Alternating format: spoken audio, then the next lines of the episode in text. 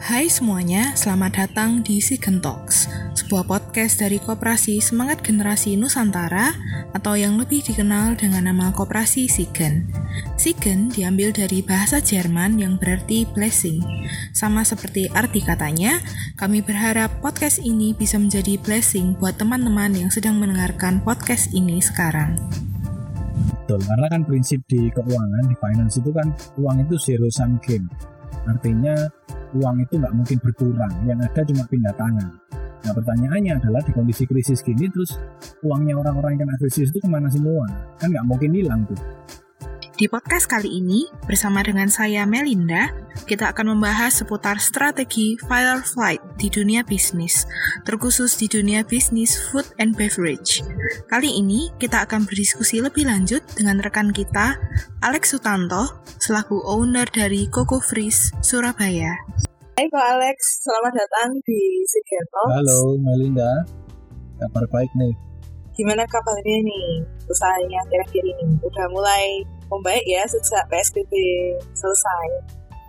Lumayan naik pelan-pelan tapi masih belum sesuai harapan. Ya. ya tentu harapan kita mungkin ya cukup tinggi kali ya. Dan didoakan agar kembali ke normal. Amin. Ya oke. Okay. Uh, eh, mungkin bisa introduce ke kita sedikit nih Bu tentang Coco Freeze. Gimana awal mulanya Coco Freeze ini jalan gitu dan gimana Coco Freeze bisa sampai ada di titik seperti yang saat ini. Oke, okay, um, kalau awal mulanya itu sekitar tahun 2012 ya.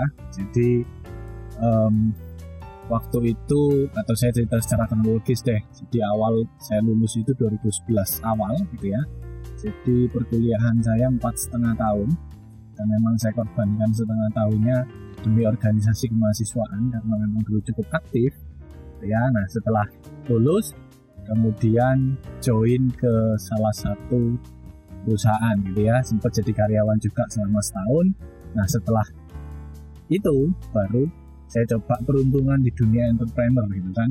Karena selama satu tahun bekerja um, melihat prospek ke depan kalau mau dihitung-hitung gitu ya uh, paling gampang dulu itu saya mikir saya ngitung kalau mau beli rumah dan mobil kira-kira saya harus punya pendapatan sekarang sekarang ini berapa gitu kan? Karena saya juga dulu lulusan dulu lulusan finance jadi diajarin cara ngitung. Nah setelah dihitung itu nggak ketemu gitu kan? Dengan kondisi yang sematang dengan harapan di kondisi yang ke depan ternyata nggak ketemu. Ya sudah berarti saya harus cari jalur yang lain dan akhirnya menemukan pada waktu itu memang lagi booming boomingnya entrepreneur gitu ya. Tahun itu um, Instagram sudah mulai ada kemudian YouTube juga ada dan sebagainya. Jadi gelombangnya memang ke arah sana. Dan kemudian ya sudahlah coba aja. Karena cobanya dulu mungkin tidak tidak bisa dilakukan atau ditiru oleh semua orang gitu kan. Jadi dulu nyobanya adalah keluar dulu baru nyoba. Kalau saran saya ya buat teman-teman yang mungkin mau entrepreneur saran saya tolong jangan keluar dulu sebelum coba percobaannya berhasil gitu kan. Kalau dulu itu memang benar nekat. Berarti jangan memulai dengan tangan kosong ya kok ya. Harus sudah ada persiapan gitu. Wah. Betul sekali. Betul. Apalagi kalau sudah punya pasangan atau tanggungan kan.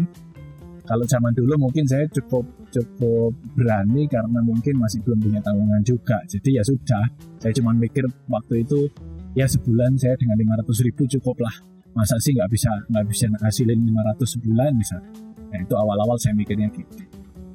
Gitu kemudian setelah itu ya join di ini ya, join di binaan pemerintah tahun 2014 karena dari 2012 setelah satu tahun saya kerja ikut orang 2012 saya juga ngambil S2 dua tahun sampai 2014 jadi benar-benar baru diseriusinya memang mulai pertengahan tahun 2014 gitu meskipun sudah ada idenya dari tahun 2012 nah dari tahun 2014 kemudian izin-izin mulai diurus kebetulan eh, ibu wali kotanya baik gitu ya Bu Risma waktu itu yang memang lagi fokus-fokus membangun UKM ya udah akhirnya gabung jadi UKM binaan di dinas perindustrian dan perdagangan kota.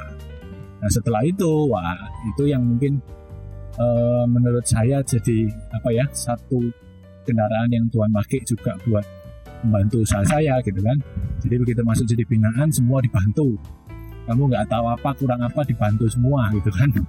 Jadi Wah, bener-bener jalan tol gitu ya kayaknya. Maksudnya segala macam yang diperlukan untuk membangun UMKM itu di-provide sama Betul, betul. Dinas. Tapi juga dari sisi kitanya kita juga mesti proaktif gitu kan. Kita nggak punya apa ya kita ngomong aja biar dinas nanti yang pikirin uh, mereka akan bantu dengan model yang gimana gitu kan. Karena banyak orang yang juga jadi UKM binaan kebetulan karena memang gratis semua juga mau. Nah, tapi kenyataannya kan tidak semua bisa dibantu dengan maksimal gitu. Jadi kalau mau dapat manfaat atau efek yang maksimal ya kita sendiri harus harus banyak proaktif untuk untuk kenalan sama mereka, kemudian datengin mereka dan share share tentang masalah usaha kita misalnya. Dan dari situ baru mereka bikinkan program-program yang bisa bantu kita gitu, sampai sekarang. Jadi Koko bisa besar itu juga salah satu dulu awalnya yang membantu adalah dari pemerintah kota Surabaya gitu. Saya bersyukur sekali tentang hal itu gitu Wah, oke.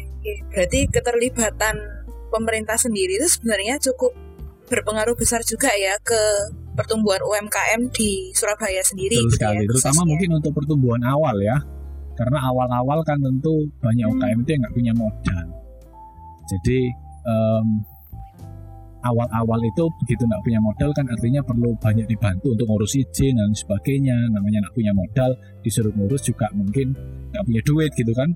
Jalan aja belum sudah harus keluar Iya. duit misalnya. Nah makanya kenapa pemerintah bantu awal-awal bahkan bantu dijualin ya. Kalau em, saya nggak salah inget itu mulai sentra-sentra UKM bermunculan mungkin tahun 2015 16 mulai muncul pemerintah mulai ngajak kerjasama mall-mall dan bikin sentra sendiri. Jadi produk kita dibantu jualin nggak dipotong biaya gitu ya. Em, dan dan dibantu promosiin juga. Gitu. Jadi sebetulnya waktu itu buat UKM sama sekali nggak ada risiko. Enak kan tinggal naruh produk aja dijualin nggak perlu bayar yang jaga. Juga nggak perlu ngasih komisi. Jadi ya wah bagi kita itu satu bantuan yang luar biasa. Gitu. Justru dari situ dapat untung. Nah untungnya disimpan ditabung buat pengembangan ke yang lain-lain. Dan saya melihat banyak juga UKM yang sudah bahkan sampai bisa ekspor karena bantuan-bantuan awal itu gitu. Wah, gitu ya. Berarti eh, tinggal gimana dari kita sendiri sebagai entrepreneur ini untuk bisa memanfaatkan eh, peluang-peluang yang sudah dikasih gitu ya untuk melebarkan koneksi, bahkan bisa sampai eh, memasarkan produk kita ke luar negeri gitu ya. Yes, betul sekali. Wah. Oke, oke, oke. Nah, kalau selama jalin bisnis di Coco Freeze nih, berarti kan sudah jalan sekitar enam tahun ya, kira-kira ya. Ya kalau mau dari dari awal 2012 ya berarti 8 tahun, tapi kalau seriusnya mungkin ya enam tahun terakhir lah. Oke, oke. Berarti selama 8 tahun perjalanan Coco Freeze ini eh pasti ada lah ya momen-momen di mana kita itu eh fight or flight. Maksudnya apakah kita ini menjalani krisis? Oke, kita hadapi gitu kan atau case terburuknya oh ya mungkin sudah waktunya banting setir gitu. Pernah nggak ngalamin momen seperti itu selama eh jalanin Coco Freeze nih? Kalau mau diomong pernah pasti pernah gitu ya. Namanya di dalam bisnis pasti ada naik turunnya gitu kan. Kalau mungkin kita kerja ikut orang ya antara flat atau dipecat gitu kan. antara gajinya flat atau dipecat atau kalau naik posisi baru bisa naik gaji gitu kan. Tapi kalau entrepreneur kadang bisa naiknya cepat, kadang turunnya juga bisa cepat. Nah, dalam kondisi sekarang corona begini kan juga rata-rata entrepreneur pasti kena dampak gitu kan. Dan Iya. turunnya juga ada yang nggak main-main gitu kan turun 70 persen turun 80 persen gitu kan. Nah itu jadi jadi tantangan tersendiri lah buat teman-teman yang mau jadi seorang entrepreneur gitu. Harus siap mental gitu kan. Kalau enggak ya bisa kena serangan jantung di usia muda kan. Gitu kan krisis juga eh, biasanya 10 tahun sekali atau kalau beruntung anda ya dapat 10 tahun dua kali gitu kan krisisnya jadi ya dinikmati ya perjalanan itu memang harus harus dinikmati dan kalau mau bilang pernah pernah berapa kali ya satu dua tiga kali sama yang sekarang untuk kepikiran mau mau merubah jalur gitu kan tapi ya untungnya sampai sekarang yang ketiga ini masih tetap yakin bahwa ini jalur yang paling benar buat saya. Oke. Okay. Mm -hmm. Kalau dulu mungkin Melinda pernah tahu saya punya yang bentuk yeah. cup. Nah, itu sempat naik kan dulu di awal-awal, kemudian Wah. di tengah-tengah perjalanan tiba-tiba turun tanpa kita tahu kenapa kok ini turun, gitu kan? Nah, setelah setelah diselidiki baru tahu, oh ternyata orang sekarang nggak mau repot meskipun enak tapi kalau repot orang nggak mau akhirnya sampai di titik bahwa ya sudah gimana ini ini mau dilanjutin atau mau cari inovasi yang lain atau gimana gitu kan nah kebetulan waktu itu juga ada bantuan dari pemerintah kali ini yang pusat. Jadi dinas perdagangan yang yang pusat dari Jakarta bikin program.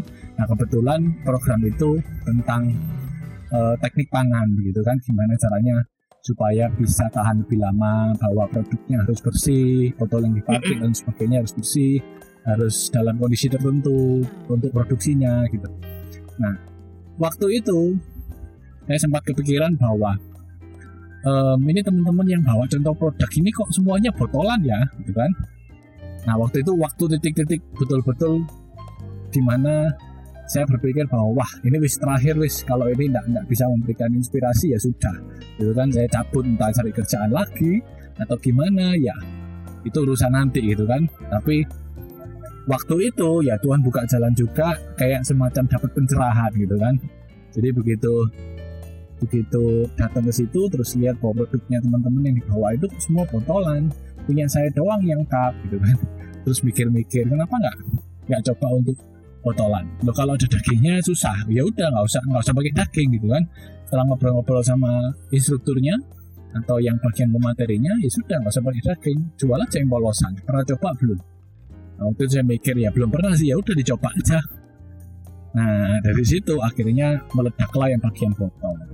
Yang cup memang udah uh, hidup segan mati tak mau gitu ya. Yang yang cup, nah eh, yang yang botol, nah itu yang baru baru mulai jalan itu kan berjaya. Nah, tapi tahun kemarin juga ndelosor juga gitu kan. Karena mungkin beberapa pertimbangan yang Mm -mm, jadi tengah tahun yang harusnya naik tiba-tiba turun gitu nah itu alasannya kenapa juga kita belum tahu gitu kan e, apa namanya penyebabnya kenapa? Karena e, jalur distribusi kita kan memang lebih ke supermarket gitu. Jadi kita nggak bisa ketemu langsung sama pembelinya. Jadi kalau turun ya sudah kita mau tanya ke siapa ya kita nggak tahu.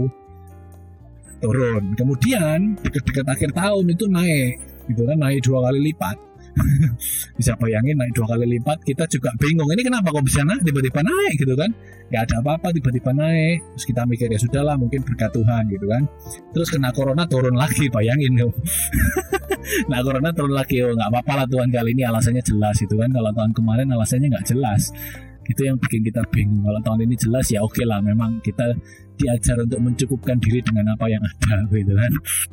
Dan biasanya setelah turun grafiknya ya harusnya naik lagi gitu ya kita berharapnya ke sana Wah, berarti benar-benar perjalanan yang kayak roller coaster banget gitu ya. Naik turunnya oh, itu jelas. unpredictable banget gitu ya. Eh, jelas banget. Wah. Seru nih. Nah, kan berarti kalau bisa disimpulkan dari pembahasan kita tadi, kan sesiap-siapnya kita, sebanyak apa pun persiapannya kita gitu kan. Dalam menghadapi krisis itu kan mungkin ada yang tidak begitu siap karena kembali lagi krisis itu kan belum tentu ada. Jadi karena faktor X yang kita mungkin akan butuh waktu sangat lama untuk bisa tahu alasannya gitu kan. Nah, sedangkan kan kalau kita terlalu lama mencari tahu apa sih penyebab kok bisa terjadi krisis seperti A, B, C gitu kan uh, makan waktu cukup lama gitu dan malah mengorbankan jalannya bisnis gitu kan. Nah, kalau dari Ko Alex sendiri gimana nih meresponi hal itu di saat kita dituntut untuk uh, segera menca uh, menemukan keputusan yang tepat tapi di sisi lain kita juga bingung loh ini kenapa ini? Kayak gitu. Uh, kalau menurutku ya lebih kembali ke ini kali ya. Uh, visi atau atau atau uh, peluang yang ada di di kepala kita yang didapat dari pengalaman selama ini gitu. ada beberapa orang yang merasa bahwa ini harusnya bisa dikerjain terus dan berhasil gitu kan. Tapi ada juga yang akhirnya memilih untuk banting setir juga. Nah bergantung ke masing-masing pribadinya sih. Jadi apa apakah dia melihat ada peluang dan seberapa besar peluang itu dan dia mau bayar harganya untuk mencari peluang itu atau dia mau banting setir. Nah masalahnya kan zaman sekarang banyak anak-anak itu yang pinginnya instan gitu kan. E, bikin sesuatu maunya langsung berhasil gitu kan langsung sukses langsung beli barang-barang mewah dan mahal. Padahal kenyataannya ya jadi entrepreneur nggak semudah itu. Itu nanti kalau sudah berhasil ya begitu. Tapi untuk awal-awal tentu kita harus mau bayar harga yang mahal tadi kan. Dalam artian apalagi kalau yeah. misalnya orang tua kita bukan entrepreneur gitu. Kita mau belajar dari siapa? Ya belajar sendiri dari dari kita jalanin itu begitu kejeduk ya sudah berarti kita nggak bisa ke sana cari jalan lain kejeduk lagi ya cari jalan lain lagi. Nah mana memang mau ke jalur entrepreneur ya cari mentor sih paling enak. Gitu. Tapi mentor pun juga biasanya akan menilai kita kita memang cocok di situ atau enggak. Gitu ya jadi maksudku nggak sembarang mentor mau terima juga. Justru kita harus ada di satu titik di mana mentor itu akan akan lihat bahwa oke okay, kamu cocok jadi anak mentorku.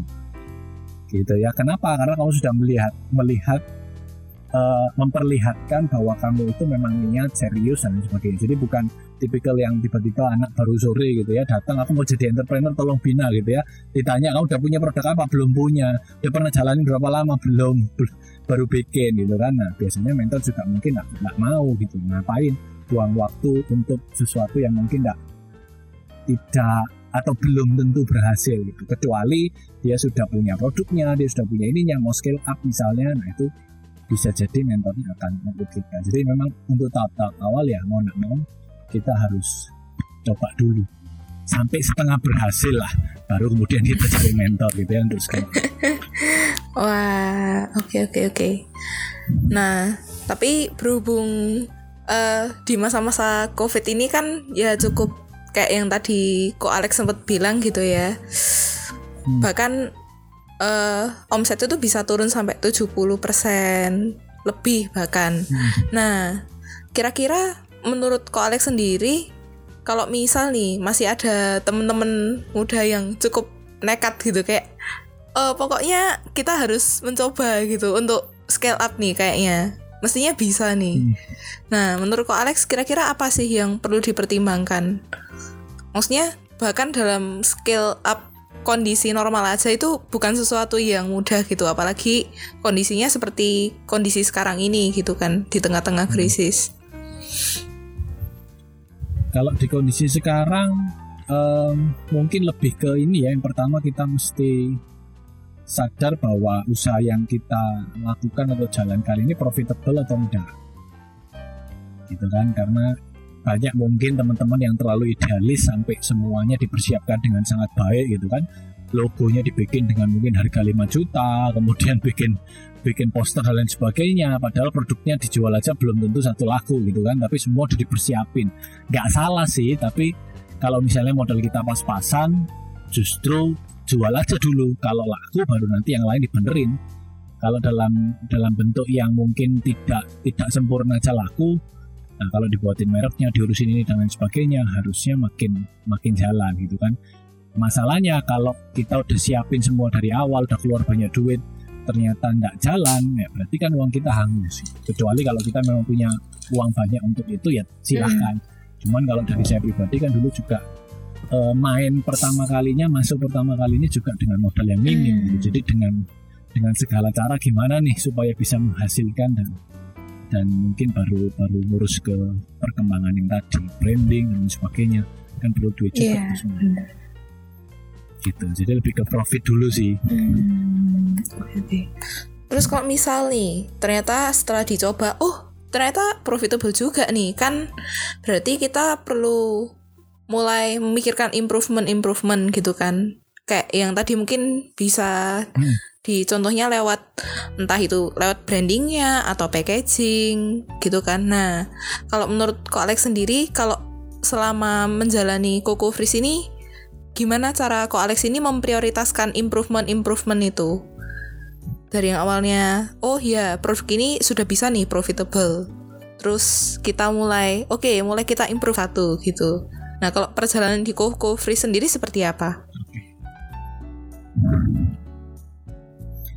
Em, kalau dulu kan memang kita mulai 2012 ya, kemudian kita baru seriusin 2014 karena satu alasannya memang saya ngambil S2 selama 2 tahun dan alasan berikutnya yang seharusnya tidak menjadi alasan yang kita rencanakan yaitu ya udah waktu itu saya cuma mikir ya udahlah produk ini jalan jalan dulu terserah wis dua tahun kita lihat nanti setelah dua tahun apakah naik atau turun. Hmm. gitu. Jadi testing marketnya waktu itu kebetulan memang pas dua tahun karena dua tahun itu memang lagi sibuk-sibuknya S2 gitu. Jadi testing marketnya dua tahun. Ini ternyata setelah dua tahun berjalan ternyata kok kok masih tetap hidup dan ternyata lumayan berkembang gitu. Berarti kan Hmm. ada potensi di sini. Setelah S2 baru diurus izin-izinnya. Yang penting-penting kan Hmm. harus diurus izinnya dulu kemudian harus di branding bikinkan eh, logonya kemudian desainnya dibagusin bikin banner dan lain sebagainya. Gitu. Jadi kalau memang sudah profitable mungkin di di apa ya di testing dulu minimal setahun lah kalau menurut saya gitu kan. Karena kalau cuma sebulan dua bulan biasanya yang dulu cuma teman sendiri. Bener, atau bener. keluarga sendiri gitu kan. Terus kita merasa wah ini profitable sekali gitu kan.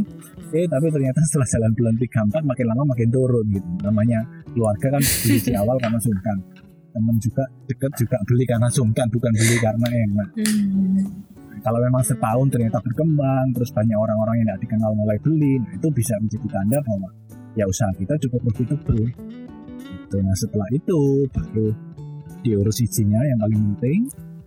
Kemudian baru ininya apa eh, brandingnya dan lain sebagainya baru bikin sistem. Oh. Karena goal kita pada akhirnya kan berharap bahwa usaha yang kita punya itu bisa running automatically. Jadi kita tinggal untuk entah apakah kita nextnya mau pelayanan gitu kan dengan dengan uang yang sudah ada untuk penghidupan keluarga kita atau ya kita mau bikin usaha lain. Tapi sebelum kita mau bikin usaha lain kan kita harus memastikan bahwa usaha kita bikin sekarang ini sudah running automatically gitu. Karena kalau kita masih incas di situ ya waktunya nggak akan cukup. Hmm, ya, ya, ya.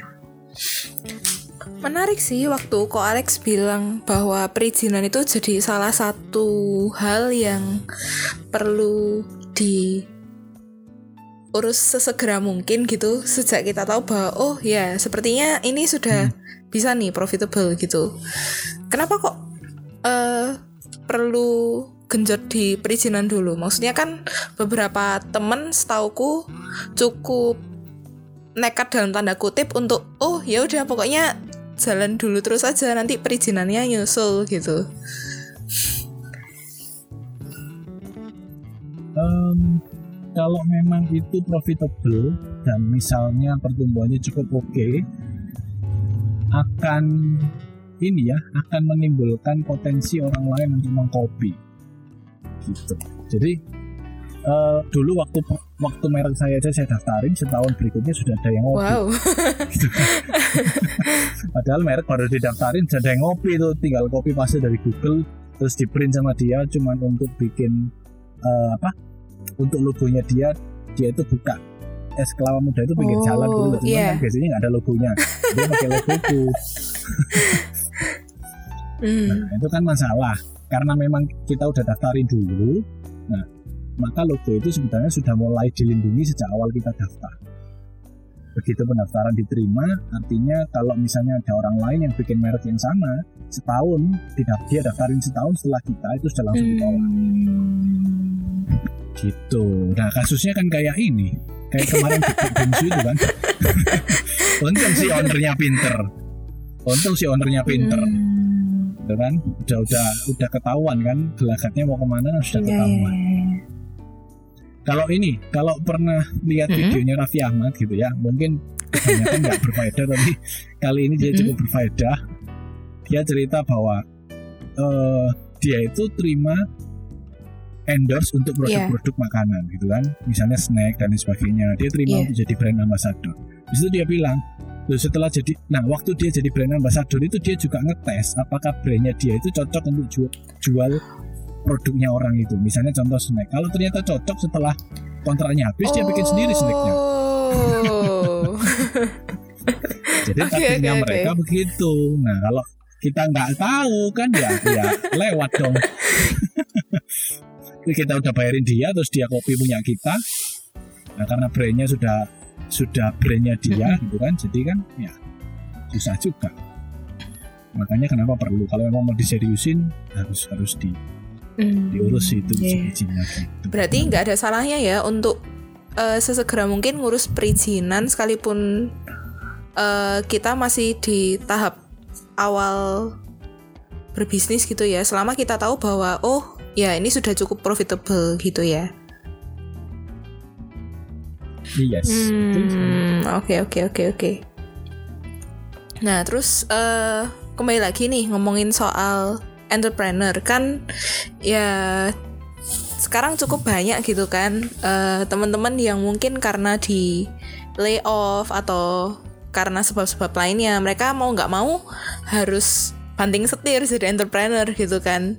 Nah, pertanyaannya Hmm. kan ya apalagi kalau case-nya adalah eh, teman-teman kita ini nggak punya eh, pengetahuan seputar bisnis yang cukup mendalam gitu.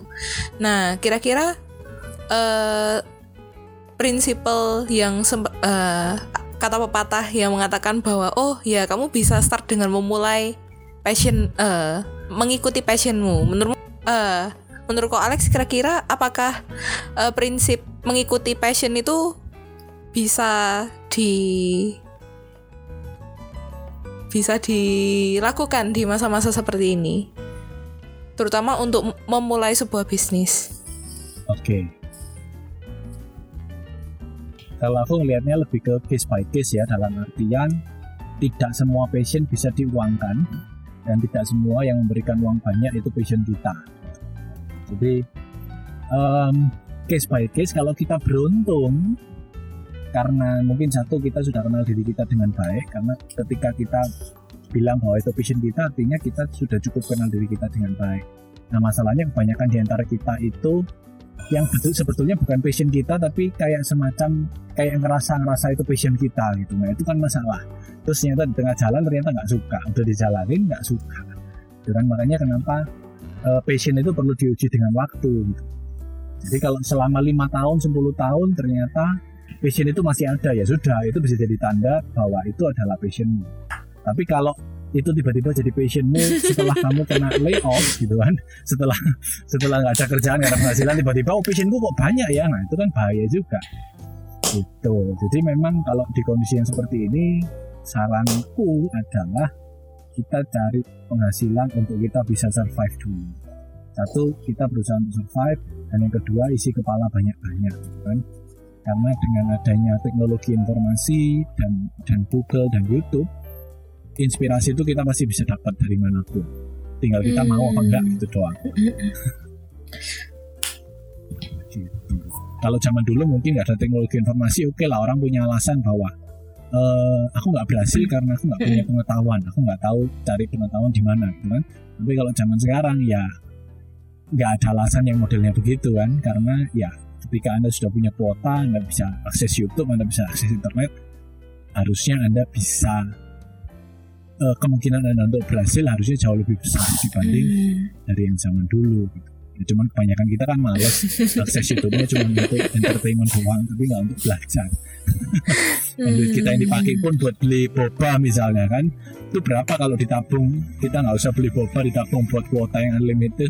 Kemudian kita banyak belajar kan harusnya bisa bisa membantu kita untuk lebih cepat Berarti berhasil. kuncinya sebenarnya lebih ke gimana kita meningkatkan kapasitas kita juga, meningkatkan ke- pengetahuan kita juga sambil kita terus eh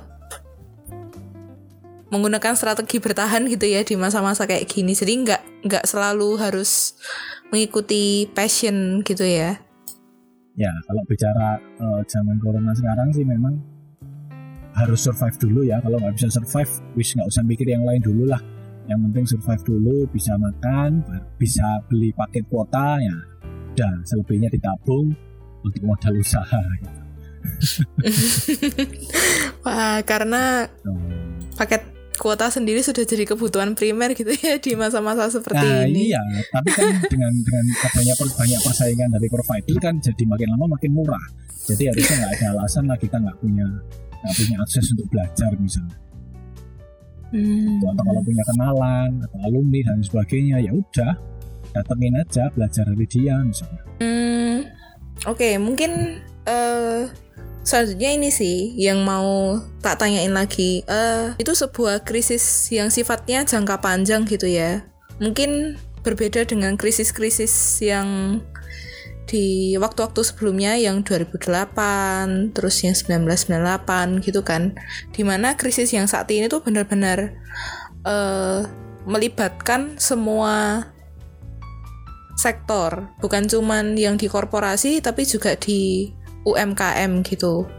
Nah, menurut Ko Alex sendiri nih kira-kira apakah ada saran-saran tertentu gitu untuk teman-teman yang mungkin saat ini juga sebenarnya mereka sudah punya startup sendiri, mereka sudah uh, punya usaha sendiri tapi karena belum terlalu lama memulai jadinya sempat jatuh kayak gitu.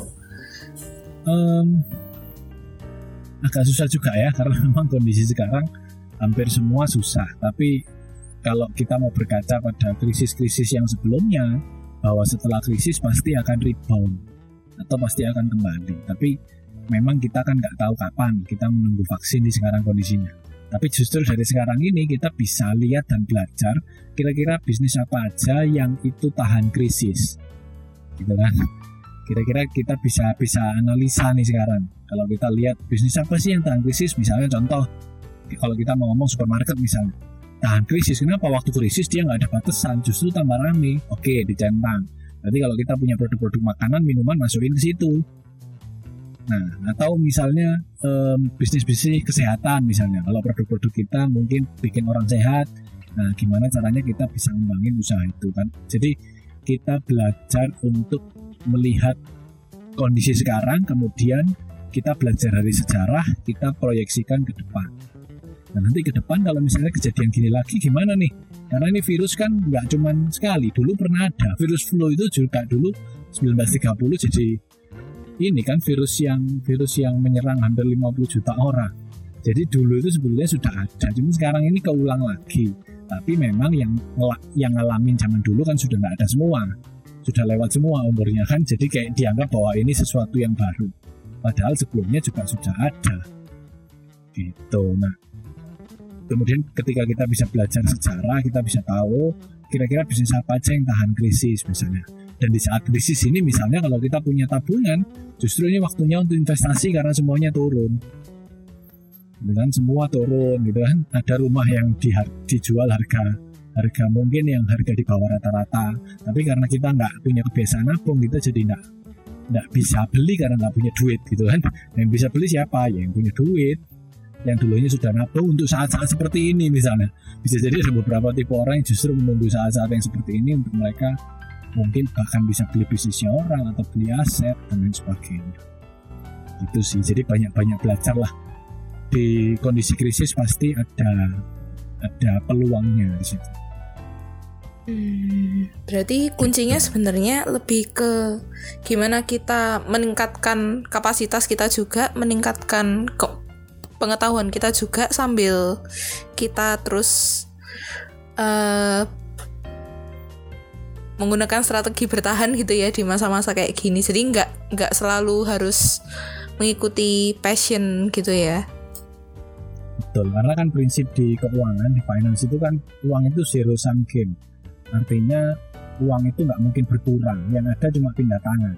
Nah pertanyaannya adalah di kondisi krisis gini terus uangnya orang-orang yang kena krisis itu ke mana semua? Kan nggak mungkin hilang tuh. Pindah tangan iya nggak mungkin hilang. Nah pindah tangannya ke mana? Gitu kan.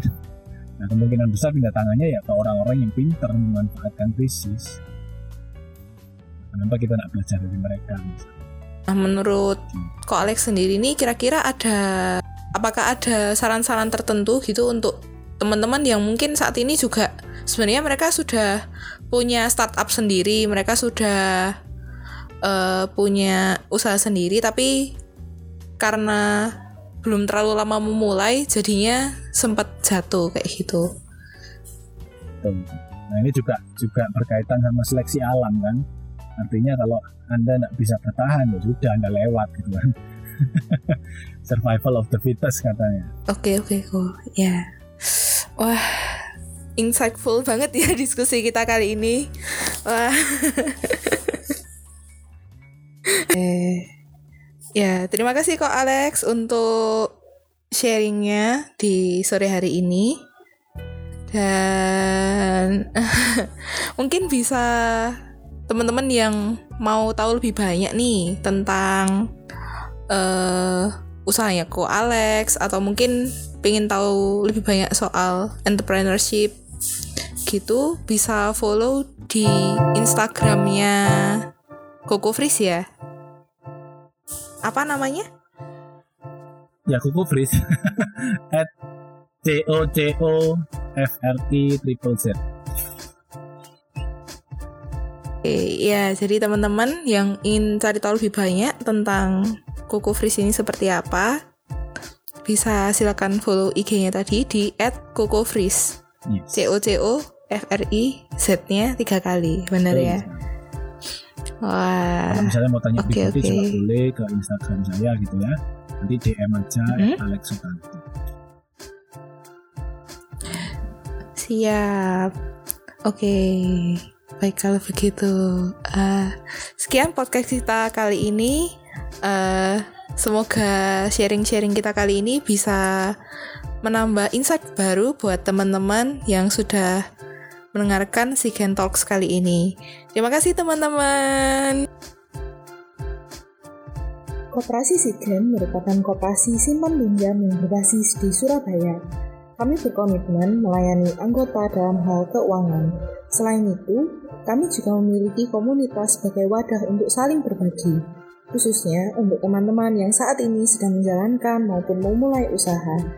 Untuk mendapatkan update mengenai event terbaru kami, silakan follow Instagram kami at sigen.ind. Terima kasih teman-teman yang sudah mendengarkan Sigen Talks episode kali ini. Sampai jumpa di episode selanjutnya.